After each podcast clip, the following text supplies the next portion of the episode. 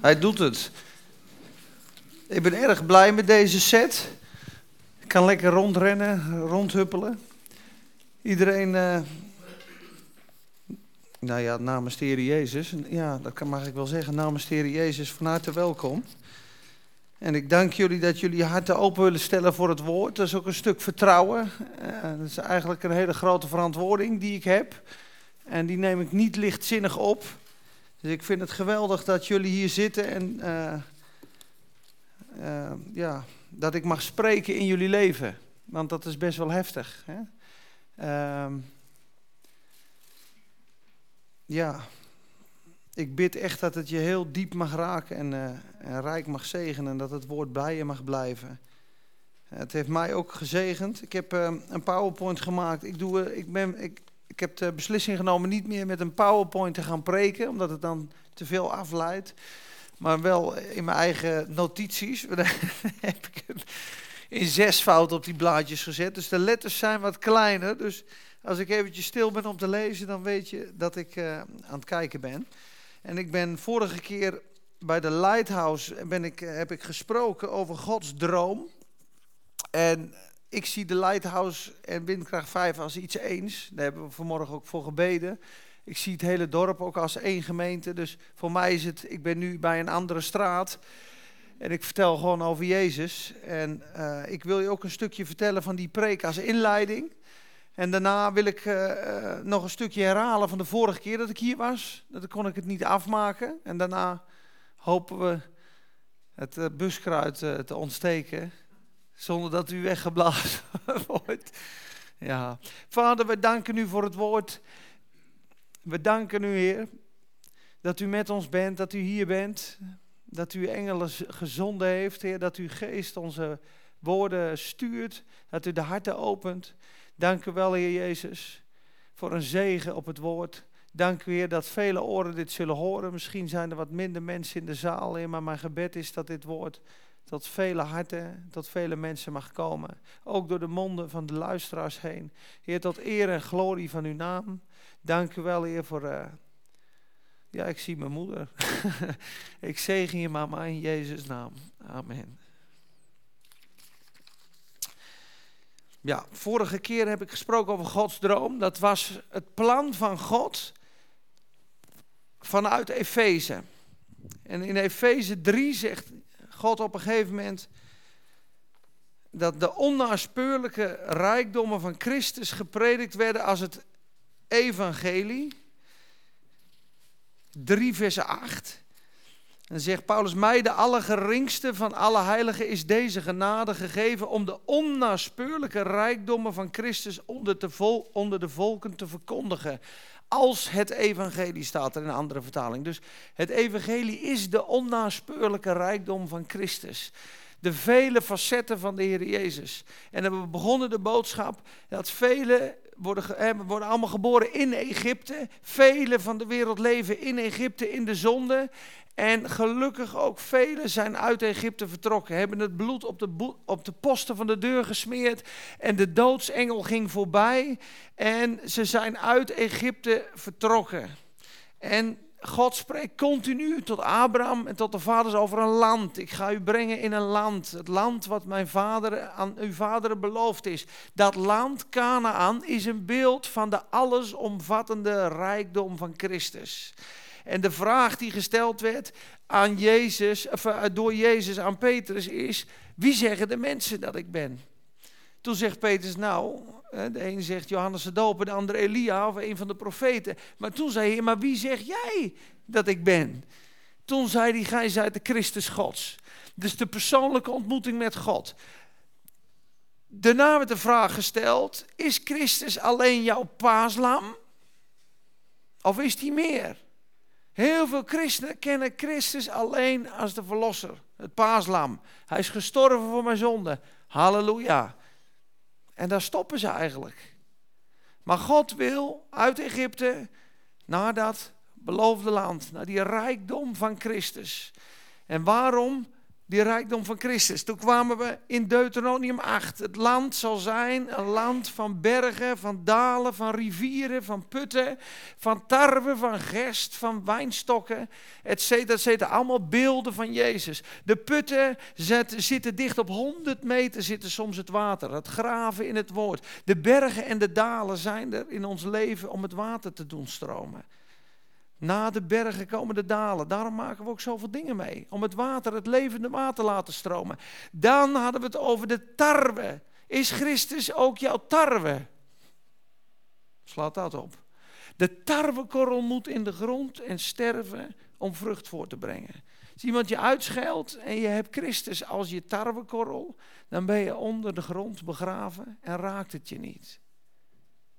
Heb je een gekruisigd leven? Is Christus jouw tarwekorrel? Dan breng je ook veel voort. Er zijn er nog niet zoveel. En daar zijn we zelf ook heel vaak niet.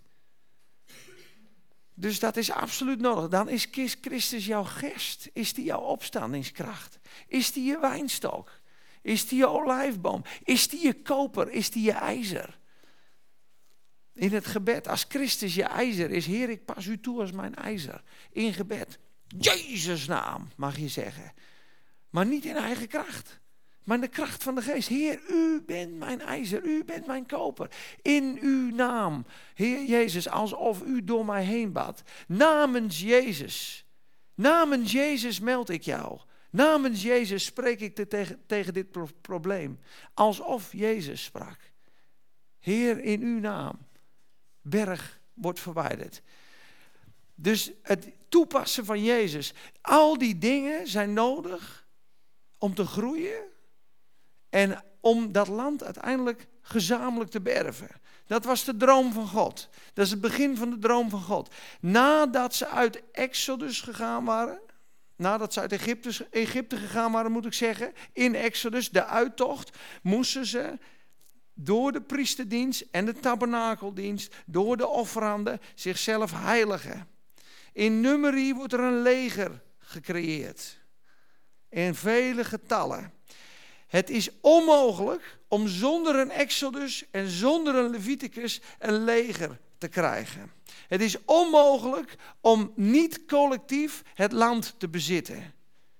Vorige keer zei ik het, ik weet het niet zeker, zei ik toen. Ik heb het gelukkig in de tussentijd mogen lezen. Het is absoluut onmogelijk om in je eentje Jericho aan te vallen. Het is absoluut onmogelijk om als christen individueel het land te beërven in die mate die God wil. Want op dat land komt uiteindelijk een tempel en op dat land komt uiteindelijk een stad tot bloei. En we hebben toen gesproken dat ze de grote vijanden in moesten nemen met de Oemim en de uh, Urim en de Tumim. Dat God zijn licht op die stenen gaf en zijn leiding, zijn specifieke leiding gaf. En dan hebben we gesproken dat Gods plan is dat we zo in Christus in dat land geworteld moeten worden. Zo weg bij Egypte. Zo Christus toepassen als ons alles, dat dat leger ontstaat. Op een gegeven moment komt dat leger in wording. En dan gaat gaan ze samen die steden veroveren. Jericho, de reuzen. Dan, als ze in het land gekomen zijn, wil God toewerken naar een tempel. En dan uiteindelijk naar een stad. En dat spreekt allemaal van de tegenwoordigheid van God. Dus daar heb ik een klein beetje over gesproken. Het begint zo, de ark vroeger is de tegenwoordigheid van God. Dat is een gelovige die wordt wedergeboren. Die ark werd in een tabernakel geplaatst. De tijdelijke gemeente, zou ik maar zeggen, die afgebroken kon worden. Op een gegeven moment werd de tegenwoordigheid van God sterker en groter. En het volk groeit. En ze komen in de tempel van Salomo. Die grote, machtige tempels. één vaste plaats. Uiteindelijk wordt die tempel een stad. Ezekiel. 48. De Heere is al daar. Dat is het einddoel. Dus Gods doel is, Christus moet ons alles worden. De dispensatie en bedeling is, God deelt zichzelf uit in de mens. Steeds meer van Christus, steeds meer van Christus. Weer een berg, weer een dal. Oh, doet zo'n pijn. Meer van Christus. Hij is je alles geworden. En uiteindelijk wil God ons natuurlijk in de tegenwoordigheid brengen en daar blijven. Wij zijn gered, wij zijn in Hem, maar wandel je ook in Hem? Ja, ik heb Christus in mij. Christus in jou is één deel, maar blijven in Christus is tweede deel. En in Hem wonen, als Jozua, is nog mooier. Iemand zei onderlaatst, het is prachtig als je preekt hè? en je komt uit Egypte en hier zijn de meeste van ons. We zijn onderweg in die woestijn. En dat spreekt de woestijn, je moet nagaan. De woest, uh, Egypte is de voorhof, de woestijn is het heilige en Canaan is het heilige der heiligen. En we moeten allemaal naar Canaan, naar dat land. Allemaal naar het heilige der heiligen. Heel veel van ons, waaronder ik zelf vaak, mijn verlangen is ook om geworteld te zijn in het heilige der heiligen, daar te wonen. Het heilige der heiligen, lengte, breedte, hoogte en diepte is gelijk. In de tabernakel, in de tempel, in het nieuwe Jeruzalem. Efeze zegt de lengte, de breedte, de hoogte, de diepte. Die grote, mooie stad is eigenlijk het heilige der heiligen. Helemaal gegroeid tot aan de volheid van God. En het heilige der heiligen bevindt ons in ons hart, in de geest. En dat bloed is op ons hart. En de wet is in ons hart geschreven. En het manna en de staf en de gerupsen is allemaal een beeld. Dus God wil ons brengen in de tegenwoordigheid van God. In zijn aanwezigheid. Mensen die dus in die woestijn leven, die genieten van het manna van God. Die genieten van het licht van de kandelaar. Ja? Maar er is nog een tweede voorhangsel. Dat heilige der heiligen. En om het eerste voorhof in te komen, moeten we tot geloof komen. Komen we uit Egypte.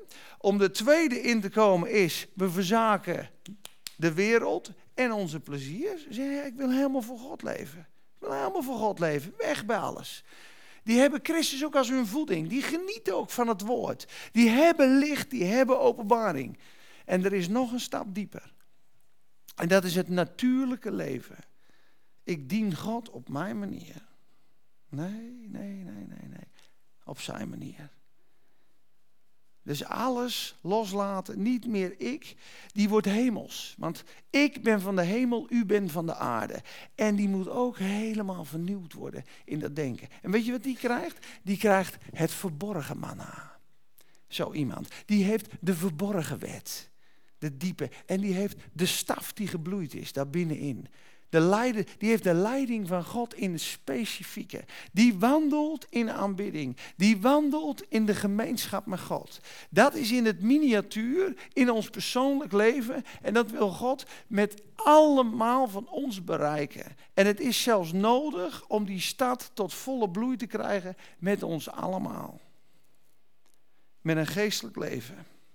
En ik lees in Jezaja, of eh, Ezekiel 43 en moet je eens kijken, als je nou thuis Ezekiel 40 tot 43 leest, dan weet ik zeker dat je na twee hoofdstukken denkt, ja, boeien, boeien, jongen, jongen, jongen. Moet het nou allemaal zo beschreven worden, tot in de details? Ik zal een klein stukje lezen. Vervolgens had hij de voorhaal aan de binnenzijde één lat. Toen mat hij de andere voorhaal 8L. Muurpost. En dat gaat dan drie hoofdstukken lang. Kamertje, kamertje, kamertje, kamertje, kamertje, kamertje, kamertje. Denk ik. Nou, een beetje Pieter Peuterig allemaal. En dan zegt God dit. En dit is een beeld aan Ezekiel. En het 43 vers 9. Of vers 10, sorry. 43. Ezekiel 43 vers 10 en 11.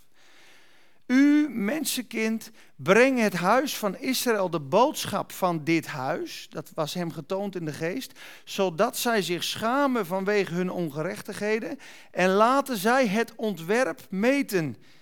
Als zij zich dan schamen vanwege alles wat zij gedaan hebben, dus die volle bekering, maak hun dan bekend de vorm van het huis de inrichting ervan, de uitgangen ervan en de ingangen ervan. Ja, alle vormen ervan met alle bijbehorende verordeningen, alle bijbehorende vormen en alle bijbehorende wetten. en schrijf dat voor hun ogen op, zodat zij heel de vorm ervan met alle bijbehorende verordeningen in acht nemen en die houden.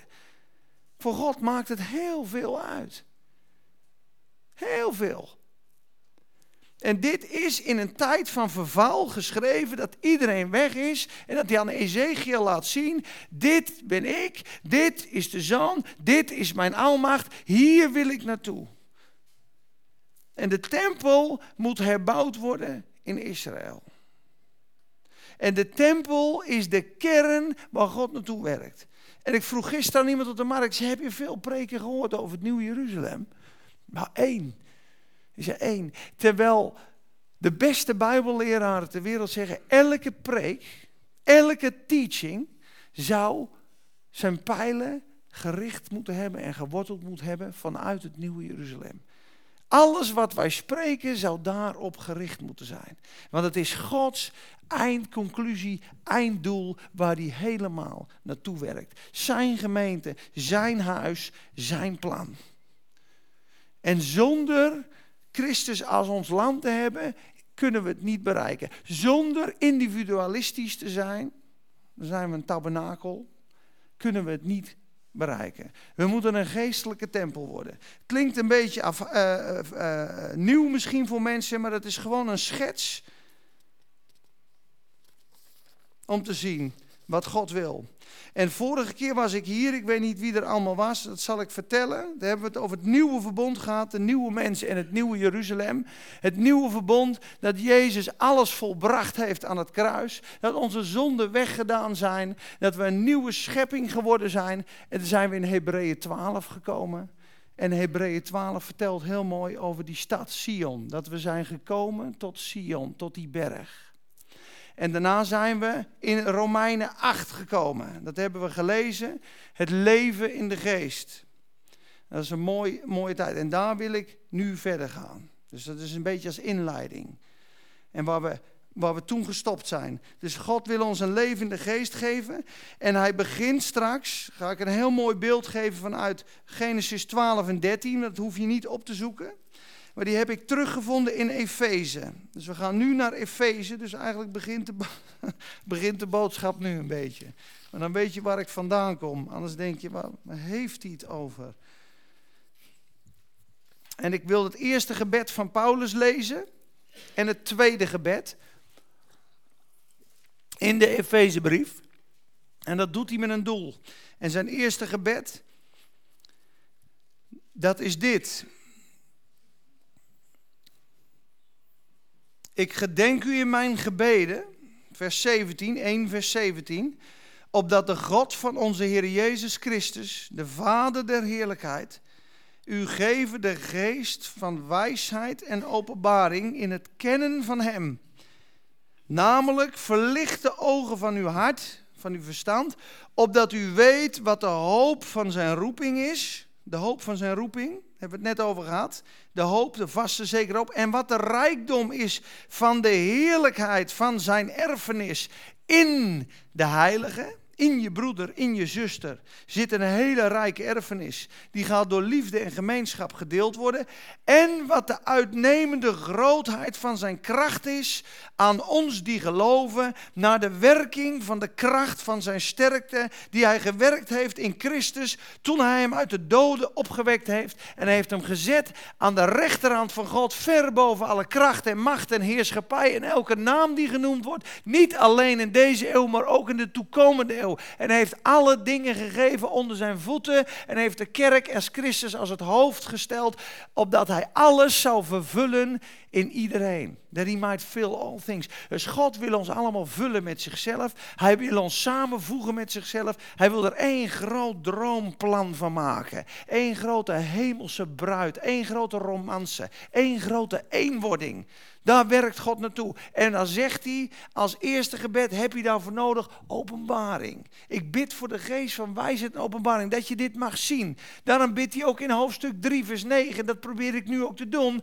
Mijn bediening is, zegt hij, to make all men see. What is the fellowship of this mystery? Dat ik alle mensen mag laten zien, wat is de gemeenschap van dit geheimenis.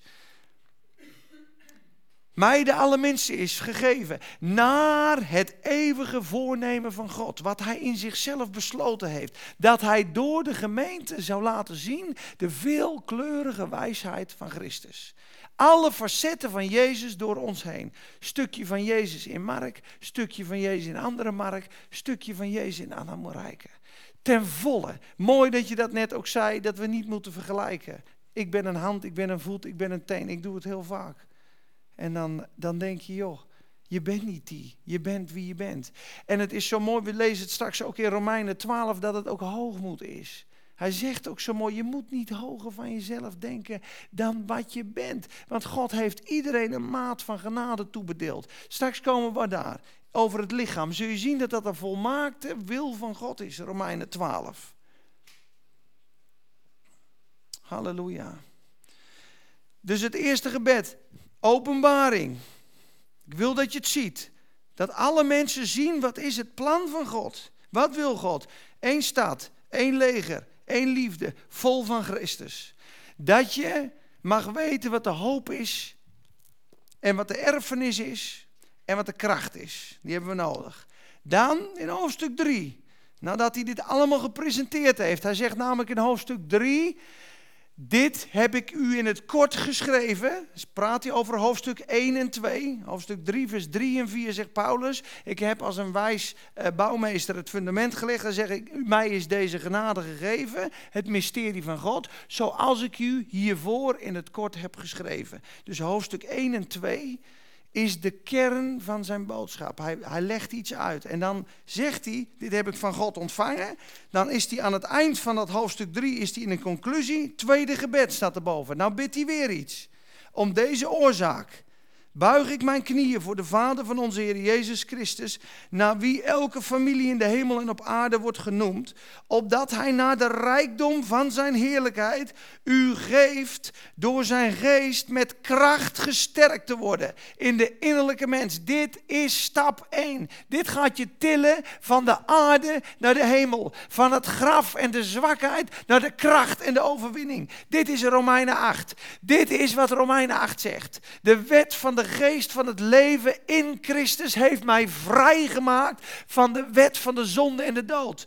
Want wat de wet niet kon, doordat zij zwak was van het vlees van de mens, heeft God zijn eigen zoon gezonden in de gelijkheid van zondig vlees en heeft de zondemacht veroordeeld in Christus. Opdat het rechtvaardige gebod, de rechtvaardige eis van God in ons vervuld zou worden.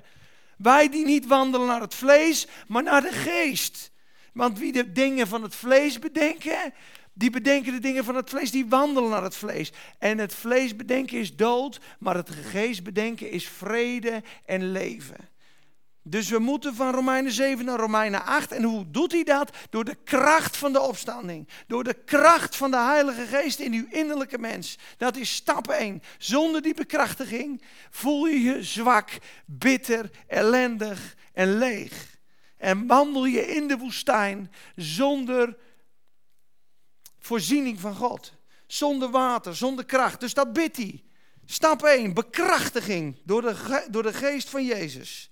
Dan zegt hij, zodat Christus door het geloof in uw harten woont. Zit hij dan niet in je hart? Jawel. Maar waar zit Jezus? Het diepste deel van je hart is je geest. En 2 Timotheus 4, lees thuis maar na, 2 Timotheus 4, laatste vers. De Heere Jezus Christus zij met uw geest. Dus waar is de Heer? In het heilige der heiligen in ons, in het diepste, diepste. Hoe kom ik daar? Door de kracht van de Heilige Geest. Waar moet ik dan langs heen? Langs het altaar, langs het kruis, langs het wasvat langs het woord. Dan heilig ik mezelf als een priester. Ik kom in het heilige. Ik, ik eet van zijn woord. Ik zie de verlichting. En ik breek uit in lofprijs. Ik breek uit in aanbidding. En ik kom aan het einde van mezelf. Wanneer scheurde het voorhangsel? Toen hij zei het was volbracht. Toen hij zich volledig overgaf in de dood. Op het moment dat je sterft in die overgave. Het is volbracht. Ik laat los is het, is het voorhangsel weg. Kom je in de diepe tegenwoordigheid van God. Dat is in de geest. Daar ontmoet je de Heer Jezus. Daar contact je, de Heer Jezus.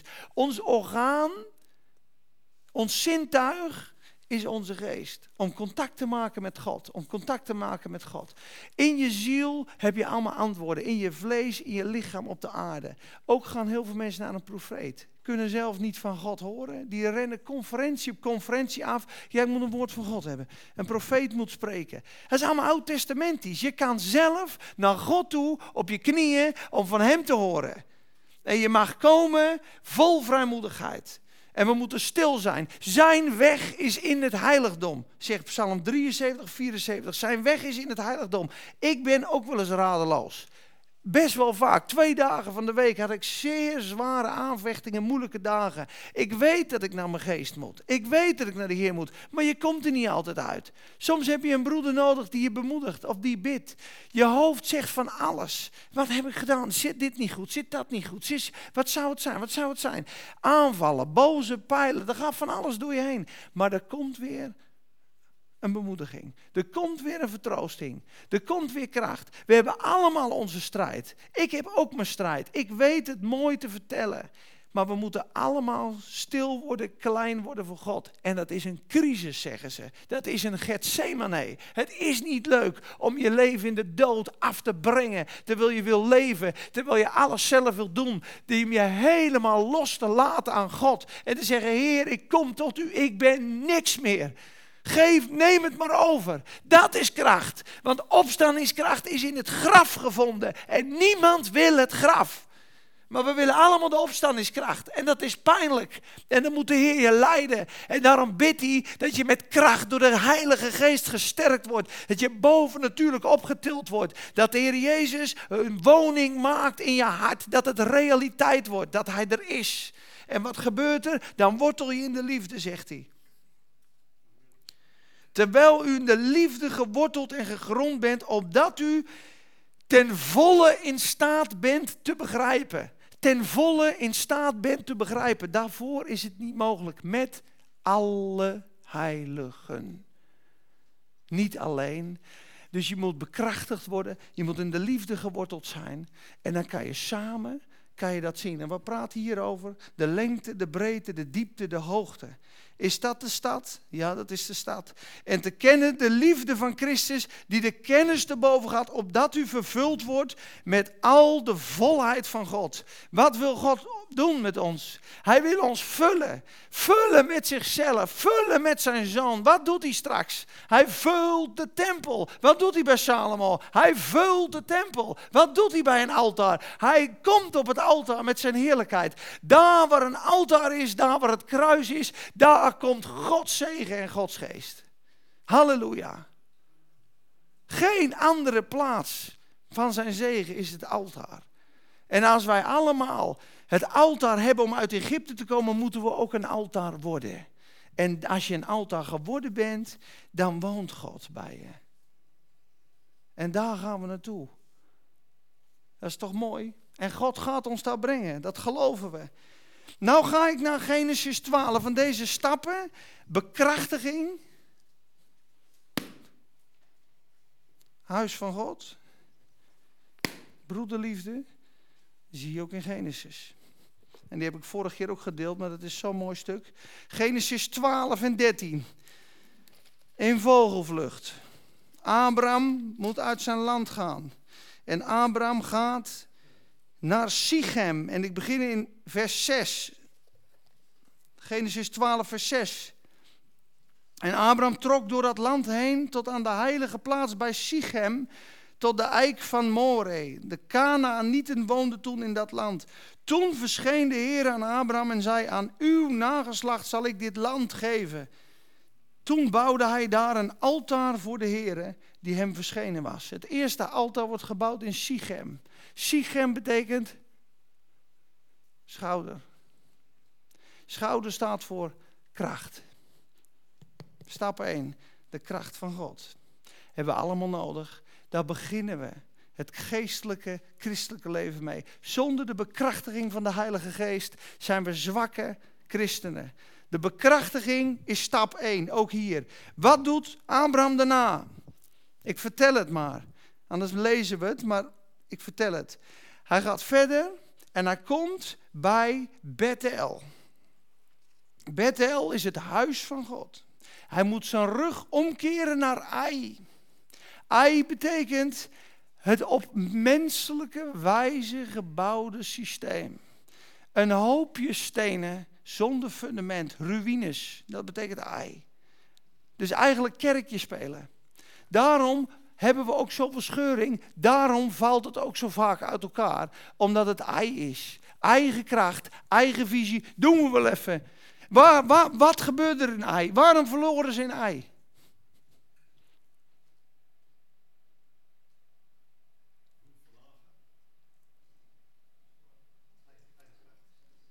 Ja, ook de vloek ook. Maar ze gingen in eigen kracht. De Heer ging niet met hen mee. De Heere ging niet met hem mee. Ga niet, je zult verslagen, want de Heere is niet met u. Ze gingen uit zelfrechtvaardiging. Ze hadden gezondigd en ze wouden het goed maken. Maar dan doen we dit wel even. Dan doen we dat. Dan is God tevreden. Nee, Mozes zei, ga niet, je wordt verslagen, want de Heere is niet in uw midden. En dat is precies als we wandelen zonder de leiding van God. De Heere is niet in ons midden. En je hebt één Gerubs, Gabriel, die brengt de openbaring. En die andere, die brengt de strijd. Dus je moet overwinnen en je moet in het licht zijn. En het bloed is hier. En de heerlijkheid, daar wil ik wezen. Daar wil ik wonen, daar willen we allemaal heen. Naar die wolkolom in ons hart, laat ik het maar even zo noemen. Dat de zegen van God in ons hart, dat je een gewaterde hof wordt, zoals Jezaja 58 zo mooi zegt.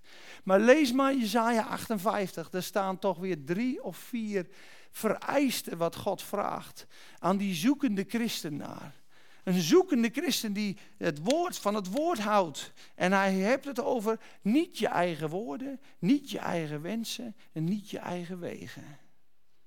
En niet wijzen met de vinger, zegt hij op een gegeven moment. En het juk breken en de armen gedenken. Dan zal de gebeden verhoord worden. Dan zal de Heer je achtertocht zijn. En het laatste vers, dan zal ik u doen rijden op de hoogte van de aarde. Dan heb je het gezag in zijn naam. En u spijzen met de erven van uw vader Jacob. Die dikke, rijke, diepe zegeningen willen we allemaal. Maar er is wat voor nodig om daar te komen. Het kost je alles. En vooral dat eigen woorden, eigen wensen, eigen wegen met christelijke saus met christelijke saus. En daar moeten we van verlost worden. En dat is God aan het doen. En dat noemen ze de breaking of the outer man. Het breken van het vat. Want de schat zit aan de binnenkant, maar niemand kan de schat zien totdat de schat gebroken wordt. Totdat, de, uh, totdat het vat gebroken wordt, sorry. Dan komt hij naar buiten. Maar hij gaat dus naar Bethel, naar het huis van God. Hij keert zich naar Ai. Hij zegt niet meer op menselijke wijze. We gaan Bethel, naar een hemelse gemeente. Naar een liefde, naar een eenheid. Dan wonen ze bij Mamre. En bij Mamre krijgen ze extra diepe, lekkere vettigheid. Dus vettigheid. Dus daar komt de rijkdom van Christus openbaar. Daar komt de erfenis uit Mark in mij. Ik kan mijn Bijbel lezen. Ik kan allemaal dingen doen. Heb ik een bepaalde mate van Jezus, kan ik, daar kan ik in wandelen. Heel rijk. Maar als ik hem en hem en hem en hem en hem lief heb en we hebben een collectieve mengeling van Jezus, ben ik veel rijker. Ben ik veel dieper geworteld. Daarom zegt Efeze in Colossense dat hun harten vertroost worden. Omdat ze samengevoegd in de liefde tot de volle zekerheid van het plan van God mogen komen. Welke is Jezus? Jezus in al zijn volheid is het land, kan je in je eentje niet zien. Daar heb je elkaar voor nodig. Dus daar moeten we dan naartoe. En dan komt Mamre. Dan krijg je wat nodig is om naar Hebron te gaan. Want zijn derde altaar is Hebron. En weet je wat Hebron betekent? Broederliefde en gemeenschap. Daar was het derde altaar van Abraham. En als je ziet, heel mooi, deze samenvoeging van de namen en de plaatsen. Als je dan gaat naar één kronieken, dan komen ze allemaal samen.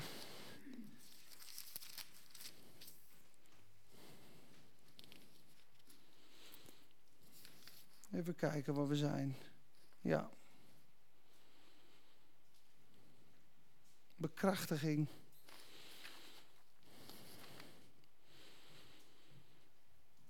We zijn bij Hebron. 1 Kronieken 12, vers 32.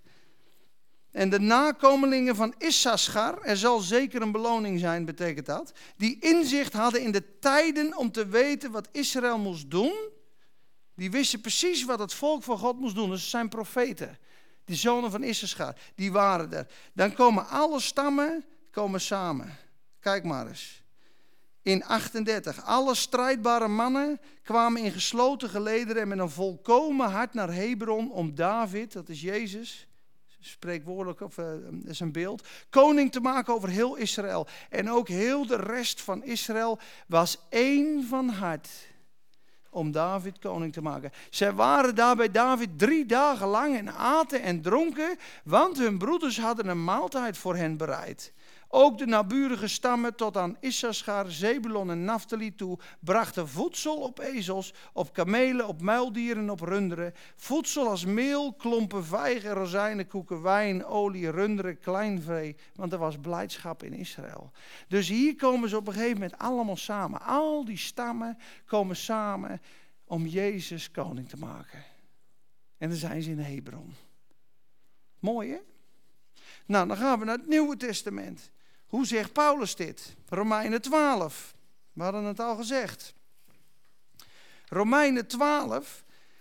Daar, weet je, ik sprak ook onderlaatst met iemand en dat is soms moeilijk te begrijpen als er dingen niet goed gaan in gemeentes of de, er is ruzie of er is scheuring. De zegen blijft heel vaak. Dan zijn ze versplinterd, ze hebben ruzie, kunnen niet met elkaar, maar God zegent mensen. Komen mensen toch geloven? Ze zeggen, God is er toch? Ja, toen zei iemand, ja, dat klopt, maar dat is de toegestane wil van God. His permissive will. God staat gewoon toe dat mensen gezegend en aangeraakt en bemoedigd worden overal. Ik ken plekken, daar was het echt niet goed. Daar zijn echt mensen zo beschadigd weggegaan. Maar als je daar een ongelovige brengt vandaag, wordt die aangeraakt, wordt er met hem gebeden en die gaat lovend naar huis. Omdat Gods geest overal waar hij kan zijn zegen uit wil gieten. Dat God kijkt daar overheen. Maar het is niet zijn allervolmaakste wil, maar het is zijn toegestaande wil. Hij staat heel veel toe. Totdat een muur, zeggen ze, zo ver uit het paslood gaat dat God in moet grijpen als het te veel slachtoffers maakt. Maar tot die tijd staat hij het gewoon toe. En dan denken we, ja, er is toch niks aan de hand. Nou, er is wel wat aan de hand. Maar wat zegt hij nou van de volmaakte wil? Hoofdstuk 12, we hebben het over levende offeranden. Daar hebben we het over gehad. Als je een offer maakt voor God, komt de volle zegen. Ik vermaan u dan, broeders, door de ontfermingen van God, gelukkig, de barmhartigheid van God, dat u uw lichamen stelt tot een levende offerande. Heilig, voor God welbehagelijk. Dit is uw redelijke dienst. Dit is uw verstandelijke godsdienst, zegt de Telos. En wordt niet gelijkvormig aan deze wereld, maar wordt veranderd door de vernieuwing van uw denken, opdat u beproeft wat de goede, welbehagelijke en volmaakte wil van God is. Nou, nou komt hij. Vers 3 begint met want. Want is de volmaakte wil. O, door de genade die aan mij gegeven is, zeg ik aan een ieder die onder u is dat hij van zichzelf niet hoger moet denken dan het behoort, maar dat hij bescheiden moet denken zoals God aan ieder een maat van geloof heeft toebedeeld. Want zoals wij in één lichaam vele leden hebben en de leden niet allen dezelfde werking hebben, zo zijn wij velen één lichaam in Christus en elk afzonderlijk leden van elkaar. Daar wij nu verschillende genadegaven hebben, naar de genade die ons gegeven is, het zij profetie, laat het zijn naar gelang van het geloof, het zij dienst in het dienen, het zij leert het zij wie leert in het leren, het zij wie vermaant in het vermaanden, wie meedeelt in eenvoudigheid, wie leiding geeft in ijver, wie barmhartigheid bewijst in blijmoedigheid. Hier gaat hij naar het lichaam van Christus toe. Hier gaat hij naar de eenheid toe.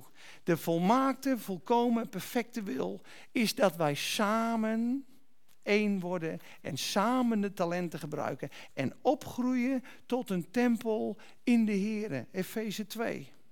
En hoe krijgt dat lichaam voeding?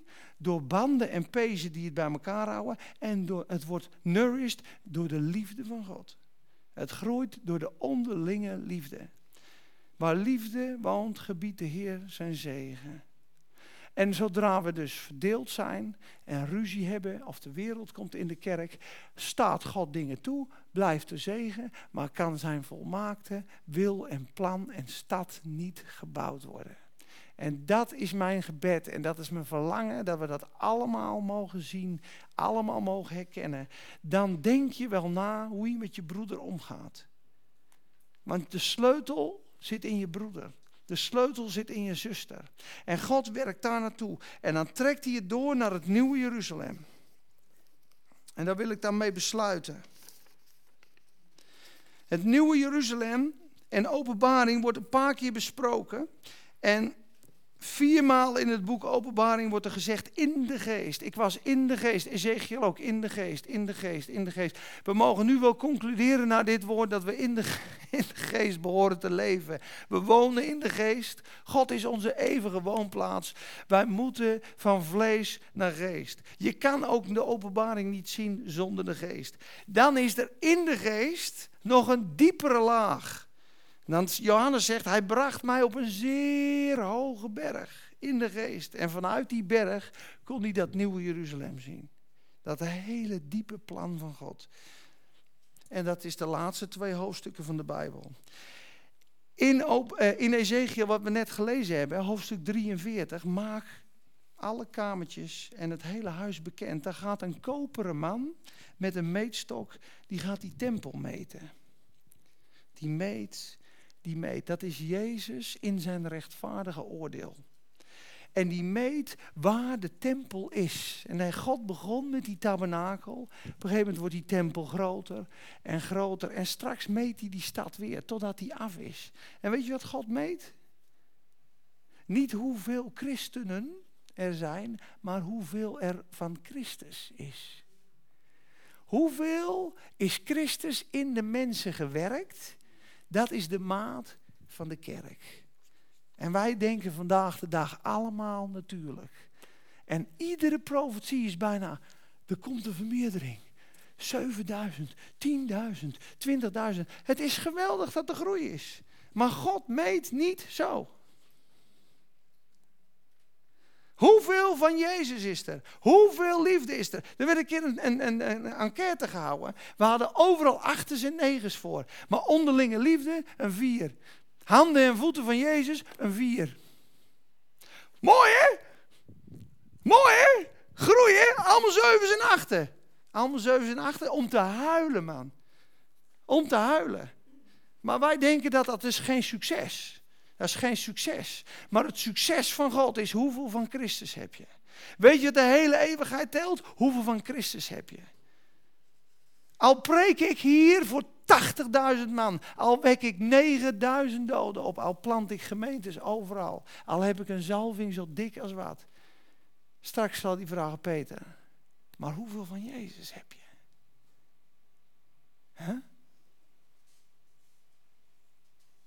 Ja. Dat is belangrijk. En daar gaat het naartoe. En op het moment dat de stad klaar is, betekent dat er volle liefde is, volle heiligheid, volle glorie in ons allemaal. Hij die een goed werk in u begonnen is, zal het afmaken. Tot aan de dag van Christus. Dus hij meet de tempel in hoeveel er van Christus is. En dan moet je de mooie vergelijkingen zien dan maak maar eens een streep in je Bijbel. Dat is een leuke studie voor als je thuis bent. Als je niks te doen hebt, nou, dan heb ik een prachtige studie voor je. Dan ga je naar Rut 4, vers 11. Dan zet je een streep bij Rut 4, vers 11. En dan staat daar dat op Lea en Rachel het ganse huis Israël gebouwd is. Dan ga je naar Genesis 49. Dan kruis je aan wie er van Lea was, wie er van Rachel was. Dan hebben we nog Bilda en Hispa. Silpa, sorry. Heel goed. Dank je. Super. Uh, die krijgen ook nog kinderen. En al die stammen komen uit die twee. En ze hebben allemaal een woord. Zoek maar op wat de naam is. Ze komen allemaal samen in Hebron. Maar de poorten van de stad, allemaal parels, staan in Ezekiel, zijn al die namen. Het is een hele mooie woordstudie voor thuis. Kijk, want hij eindigt hier in Ezekiel de poort en de naam van de stad. Dit zijn de uitgangen en daarna ga ik naar de openbaring. Aan de noordzijde is de maat 4500 L. De poorten van de stad zullen overeenkomstig de namen zijn van de stammen van Israël. Drie poorten naar het noorden: Ruben, Juda en Levi. Daarna Jozef, Benjamin en Dan. Het oordeel: Simeon, Issachar en Zebulon. En dan krijg je de Gatpoort, de Aserpoort en de Naftalipoort. 18.000 L rondom. En de naam van de stad zal vanaf die, die dag zijn: De Heere is daar. En als we naar openbaring gaan, dan staat de stad heel mooi beschreven in het tweede gedeelte. Wist je dat wij de stad zijn?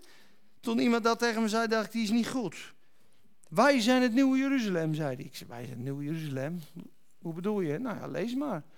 Openbaring 21, vers 2 en vers 9. Ik zag de heilige stad, het nieuwe Jeruzalem, uit de hemel neerdalen van God, gereed als een bruid die voor haar man versierd is. En dan gaat hij naar vers 9. En een van de zeven engelen, die de zeven schalen hadden, vol van de zeven laatste plagen, kwam en sprak met mij en zei: Kom, ik zal u de bruid, de vrouw van het lam tonen. En hij voerde mij in de geest op een grote en hoge berg. En toonde mij, de bruid van het lam, de heilige stad, Jeruzalem. Dat uit de hemel neerdaalde van God en de heerlijkheid van God had. Haar lichtglans was een zeer kostbaar gesteen tegelijk. Als kristalheldere jaspiessteen. Jaspies is groen, die staat voor het leven. Het leven van God. Dan zijn we helemaal doordrenkt met het leven van Jezus. En ze had een grote hoge muur en twaalf poorten. En aan de poorten twaalf engelen. En daarop de namen geschreven. Welke namen? De twaalf stammen van de zonen van Israël. Oost, Noord, Zuid en Westkant. En de muur had twaalf fundamenten. Dit zijn de twaalf namen en de twaalf apostelen van het Lam. En dat zegt hij in Efeze, gebouwd op het fundament van de apostelen en de profeten. Dus in het Nieuwe Testament is de apostelen het, eh, de, de grondslag en het fundament. En de poorten zijn de stammen van Israël. En God werkt daar de hele eeuwigheid in zijn plan naartoe. En straks komt alles samen. En straks zijn allemaal vol van Jezus, als Jezus, in volle liefde. Amen. En dan zullen we altijd met God zijn. Maar het begint met de bekrachtiging van de Heilige Geest in je inwendige mens. De opstandingskracht. Dat Christus in je hart mag wonen. Dat Christus je land mag worden. Christus je alles mag worden. Dat we tot eenheid mogen komen. En dat we samen de reuzen verslaan. Wist je dat bij Hebron? Lees maar bij Hebron. Hè? Voordat ze Hebron konden bezetten, moesten er vier grote reuzen verslagen worden. Enakskinderen, zeer zware grote vijanden. Die ga je in je eentje niet pakken. Daar hebben we elkaar voor nodig. En op het moment dat dat gebeurt en Hebron is daar, dan is het feest. Amen. Amen. Ik hoop dat we doorgezegend zijn.